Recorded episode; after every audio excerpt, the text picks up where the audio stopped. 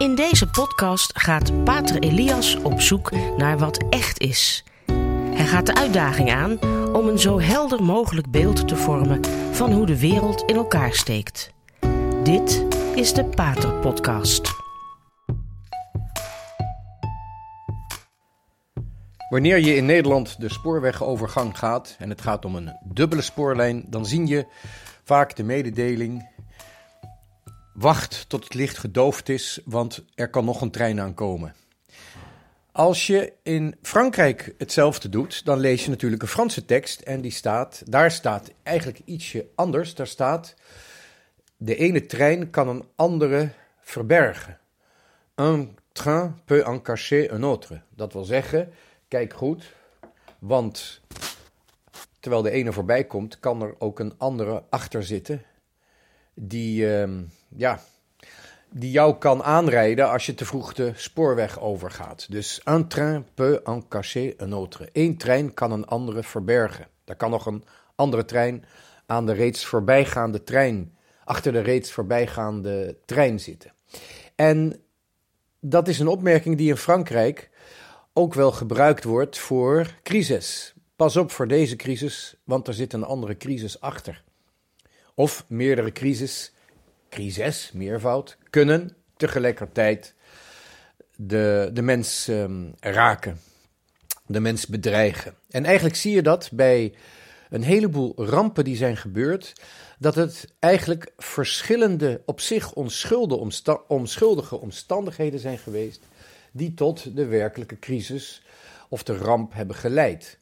Dat zie je bijvoorbeeld natuurlijk bij uh, het meest, ja, dus meest symbolische ramp misschien uh, aan het begin van de vorige eeuw, in 1912, het zinken van de Titanic. Er waren verschillende op zich onschuldige omstandigheden die geleid hebben tot die, ramp. Um, onder andere de hoge snelheid, um, de uitkijkpost, die had net die avond geen verrekijker bij zich. Er waren te veel tele telegrammen, dus men had een aantal uh, waarschuwingen afgewezen om ja, gebruik te kunnen maken van de telegraaf voor andere, meer gezellige nieuwtjes. Er zijn allemaal, en er was net één compartiment te veel gescheurd. Um, als ze frontaal op de ijsberg waren gebotst, dan was natuurlijk een enorme eh, puinzooi was er in het schip ontstaan door alles dat door elkaar heen was geschud.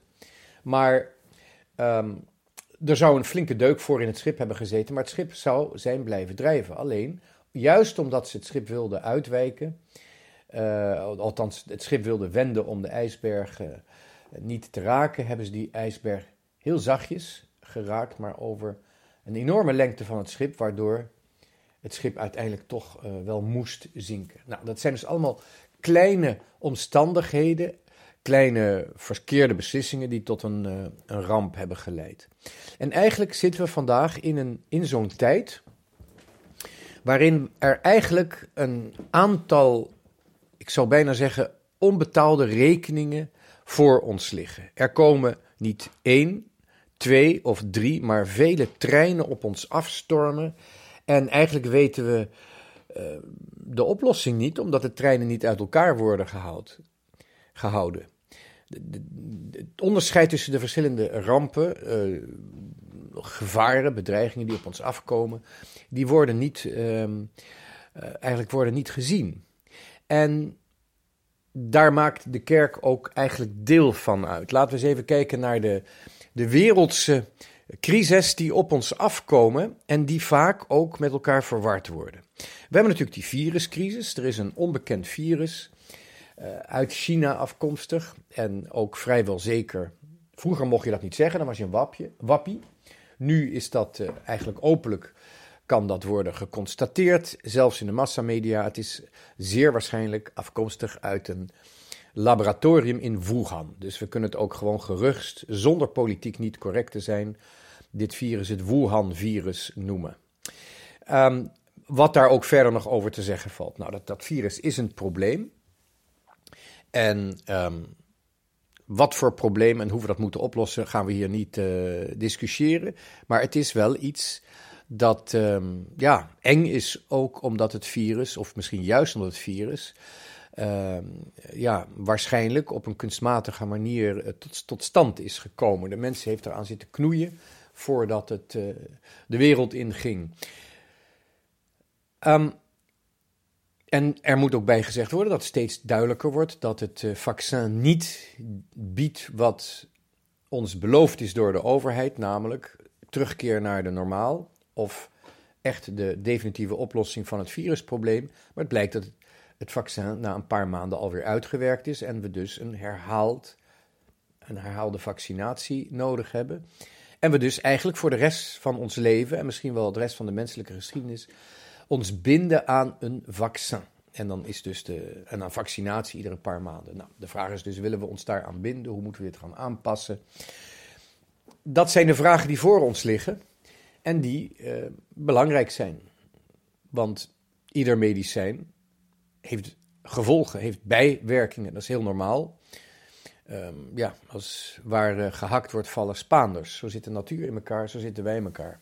Die bijeffecten die worden nog bijna niet genoemd. En ze hebben ook nog niet echt bestudeerd kunnen worden, omdat het daar te kort dag voor is. Maar goed, dat is de viruscrisis. De economische problemen die op het ogenblik ontstaan, worden vaak gewijd aan die crisis. Het komt allemaal door het virus.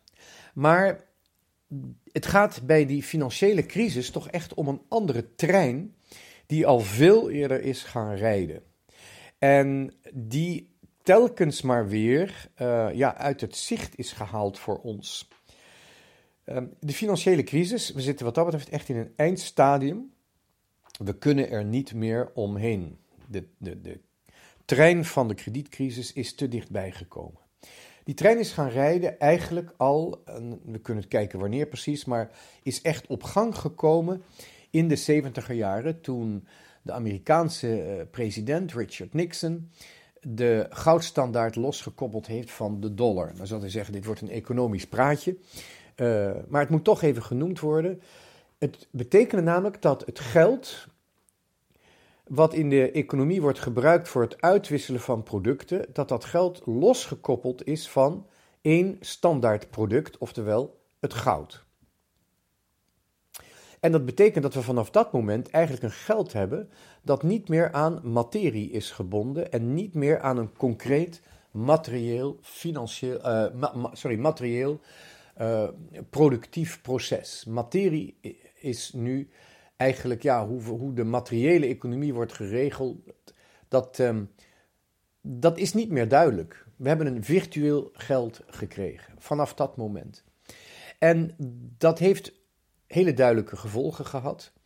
Um, geld kan worden bijgemaakt zonder dat het eigenlijk, uh, zonder dat er beperkingen zijn. En we hebben dat gezien in, uh, op verschillende momenten, met verschillende crises die zijn geweest, dat telkens maar weer geld kon worden bijgedrukt om ja, de economie draaiende te houden. En geld bijdrukken betekent in feite uh, de crisis uitstellen. En vooral betekent het de rijkdom herverdelen. Want degene die uh, geld drukt, heeft ineens een heleboel geld in handen. En dus een groter aandeel in de economie. Het is heel eenvoudig. Met geld bijdrukken krijg je niet meer rijkdom, maar je krijgt een andere verdeling van de rijkdom in de maatschappij. En als de overheid geld gaat bijdrukken, krijgt de overheid als het ware een groter aandeel in de economie. Um, als effectenhandelaars, mensen die op Wall Street en bij, met financiële middelen uh, bezig zijn, aandelen, obligaties, uh, nou ja, derivatives, al die dingen. De mensen die daarmee omgaan, die zijn in feite formules aan het uitvinden om de geldvoorraad te vergroten. Uh, en dat heet dan, um, als een, eigenlijk in onze moderne tijd wordt dat ook, als de overheid dat doet, quantitative easing genoemd, QE, QE. En het zijn allemaal di directe of indirecte methodes om geld te drukken, om geld, virtueel geld te creëren en daardoor meer rijkdom naar zich toe te trekken. En dat is eindeloos doorgegaan. En dat als overheden het hebben gedaan, is dat vaak gebeurd om een economische ramp te voorkomen, om een ineenstorting van het financieel systeem te voorkomen. Ook die trein is nu zo dichtbij dat die eigenlijk niet meer af te wenden is. En dit zit achter de enorme inflatie die we recent hebben gehad. Uh, en dat, wat gebeurt er namelijk als je geld, uh, als je rijkdom, als je kapitaal herverdeelt, ja, dan zijn er dus sommige mensen die meer krijgen en anderen die minder krijgen. En het is net als met bepaalde chemicaliën of medicijnen, die gaan in een bepaald orgaan zitten. En zo is het met het geld, dat gaat, als het wordt bijgedrukt, gaat die eh, inflatie die erdoor ontstaat, gaat ook in bepaalde sectoren zitten. Nou, dat zien we dus nu. Eh, de energieprijs gaat enorm omhoog. Ehm, en de huizenprijs is enorm omhoog geschoten. Het zijn allemaal mechanismen die misschien compleet eh, in hun totaliteit moeilijk zijn uit te leggen. Maar die, ehm, ja, waar we wel de symptomen van zien. Maar dat is niet het enige wat er is gebeurd. Door die uh, gelddrukkerij, door het virtuele geld, um, hebben we ook eigenlijk in een illusie geleefd. Want gelukkig, tussen aanhalingstekens, is er nog een enorm groot communistisch land. Waar uh, een yin-yang van kapitalisme en communisme is uitgevonden. En ik bedoel natuurlijk China. In China hebben we een communistische partij die alles regelt, die een totale controle op de mensen uitoefent.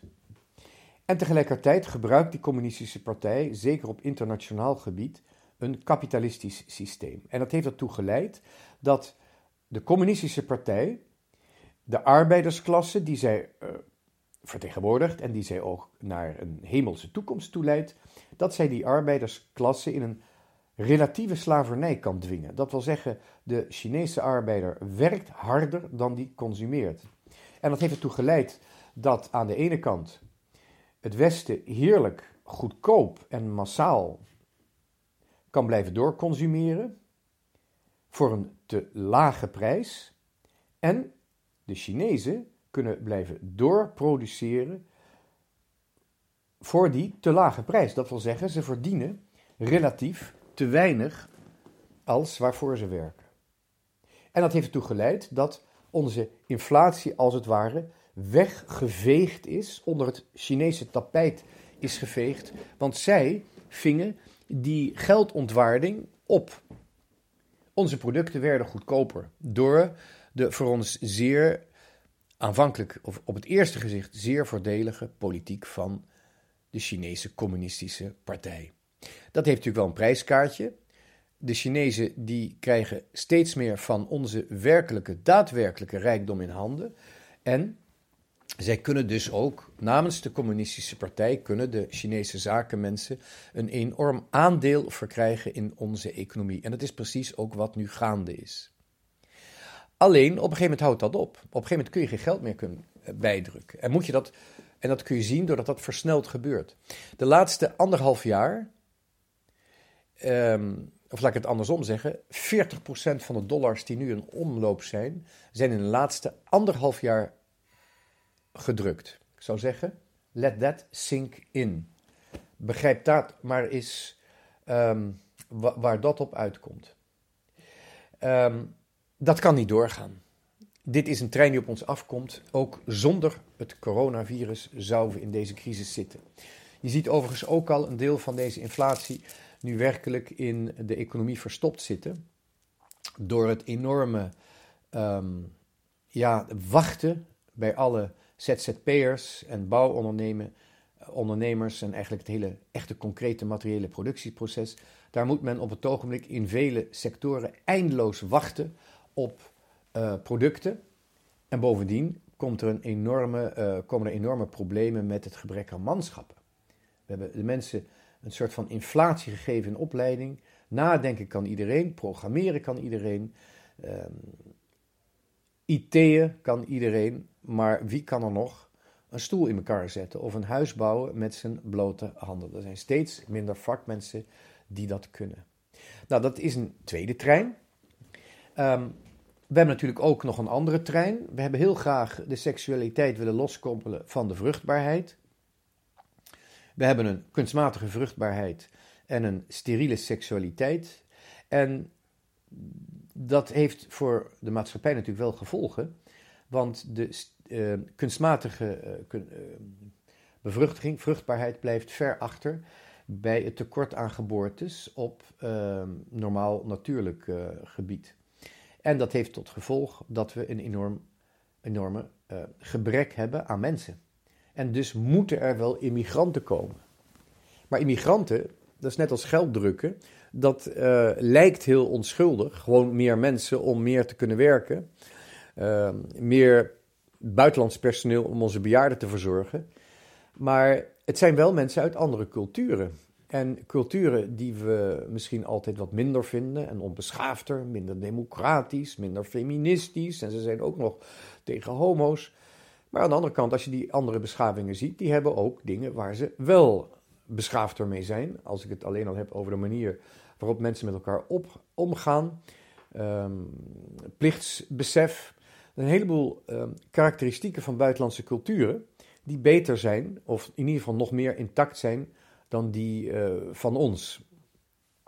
Bijvoorbeeld de, de, de, christenen die uit het Midden-Oosten komen, die zijn vaak uh, goed opgeleid. En die pakken direct aan in de samenleving, die, die klagen niet, die gaan aan het werk. Um, wanneer ik uh, naar een winkel wil uh, waar je als echte klant wordt behandeld. Nou, dan ga ik in Utrecht naar Lombok. Dan ga ik naar een van die um, Turkse of Marokkaanse slagers of, of groenteboeren of vishandels. Want daar is nog een echte winkelsfeer. En dat is echt iets, de, de kleine middenstander die keihard werkt om, ja, om in zijn eigen leven te voorzien, onafhankelijk van al te veel andere instellingen. Dat is iets wat ik bewonder. Hoe dan ook, die buitenlanders komen hier binnen en brengen een heleboel andere uh, zaken met zich mee. Betere zaken, minder goede zaken. Maar het zijn geen neutrale, uh, ja, karakterloze mensen die we zomaar even kunnen inzetten bij het productieproces. En toch moeten we dat. We hebben die keus helemaal niet, omdat we te weinig mensen hebben. We hebben te weinig kinderen gekregen. Onze maatschappij, ons bevolkingsaantal is, um, onze bevolking is heel snel aan het vergrijzen. Nou, en daar wil ik eh, nog een andere vierde trein bijvoegen die op ons afkomt. En dat is natuurlijk in de kerk zelf. Wij zijn op het ogenblik bezig om in een dusdanig rap tempo parochies te sluiten en uh, de kas van parochies op te maken, dat we uh, eigenlijk ons kunnen afvragen, wat is er nog, als er überhaupt nog iets is, over een aantal jaren uh, over van de kerk? Wat zal er nog bestaan? het gekke is dat ook in deze crisis eigenlijk een heel groot deel van de parochies, zeker degene die nu worden gesloten, eigenlijk met oogkleppen is opgelopen. Waar ligt dit aan? Het is niet alleen maar de jeugd, het is niet alleen maar de maatschappij, het is niet alleen maar de wetenschap. Het is ook een op zichzelf gericht zijn van de kerkelijke gemeenschapjes. Niet te veel naar Rome kijken, uh, niet te veel naar boven kijken. Hè? Je krijgt het gevoel in vele parochies, het is meer gezellig dan dat het godsdienstig is. Is het nog werkelijk een gemeenschap die gericht is op een duidelijke openbaring, die omhoog gericht is in gebed, of het nou gezellig is of niet? Is er nog sprake van een priester die wordt gerespecteerd als priester, of is het een soort van sacramentenboer die we nodig hebben om ons gezellige uh, klaverjasclubje in stand te houden? Er is jarenlang weggekeken van de werkelijke problemen met de kerk. Gaat het nog werkelijk om een geloof? Of is het een sociale instelling? En ook die crisis komt eigenlijk nu zo dichtbij dat we al bijna kunnen zeggen dat die eh, voorbij is. Er is geen sprake meer van een levende kerk in Nederland, afgezien van een enkele kerkelijke gemeenschap hier en daar, waar werkelijk nog gebeden wordt, waar werkelijk nog geleefd wordt vanuit de sacramenten. Dat is een hele kleine rest gekomen. En je kunt dat alleen maar begrijpen als je vragen stelt over uh, de liturgie. Hebben we echt een biddende liturgie? Hebben we echt het gevoel dat, of het gevoel, hebben we echt het geloof dat er in de sacramenten een mysterie aanwezig is? En ik denk dat er vroeg of laat echt ook heel kritisch en openlijk moet worden gepraat over het Tweede Vaticaans Concilie. Wat is daar fout gegaan? Is het inhoudelijk? Zijn het de conclusies? Is het de toepassing daarvan? Hoe komt het dat zowel de hiërarchie als de geloofde, gelovigen vanaf het concilie, ik zeg niet door het concilie, maar wel vanaf het concilie, zo zijn gemotiveerd dat ze in een zelfdestructieve ehm, ja, proces zijn terechtgekomen, inderdaad zelfdestructief, dat de kerk zichzelf eigenlijk heeft teruggetrokken uit het leven van de mensen, eh, zich heeft teruggetrokken uit de maatschappelijke discussies en er eigenlijk met klein geruzie, lokaal ruzie, zichzelf uh, op heeft geheven. Die vraag moet gesteld worden. Waarom is dat in die periode vanaf het Tweede Vaticaans Concilie? Waar komt dat door? Die vraag moeten we stellen. Ehm, ook weer niet te lang. We moeten ons gewoon richten op het geloof van alle eeuwen dat we hebben ontvangen. Ook al zijn het er weinig die het nog echt begrijpen. En dat we mogen doorgeven aan anderen. Dat is onze enige uitweg naar de toekomst. En wat die andere crisis betreft, of het nou de financiële crisis is, de viruscrisis. Ehm, het komt allemaal op ons af en wij, het is te groot voor ons. Het is te groot voor ons. We zullen er niets aan konden, kunnen doen. Ik denk dat wij over tien jaar in een situatie zitten die lijkt op uh, de ineengestorte Sovjet-Unie. Een chaos. Het enige waar we nooit een chaos zullen tegenkomen is in het geloof. Het licht van het geloof zal ons ook in, onze, in, in, in de komende chaos, zal het licht van het geloof ons steun geven, ons richting geven, troost geven. Wij leven niet voor deze wereld. We moeten er een bijdrage aan leveren, maar die is maar heel klein. We leven voor de eeuwigheid. Bedankt voor het luisteren. Tot de volgende keer.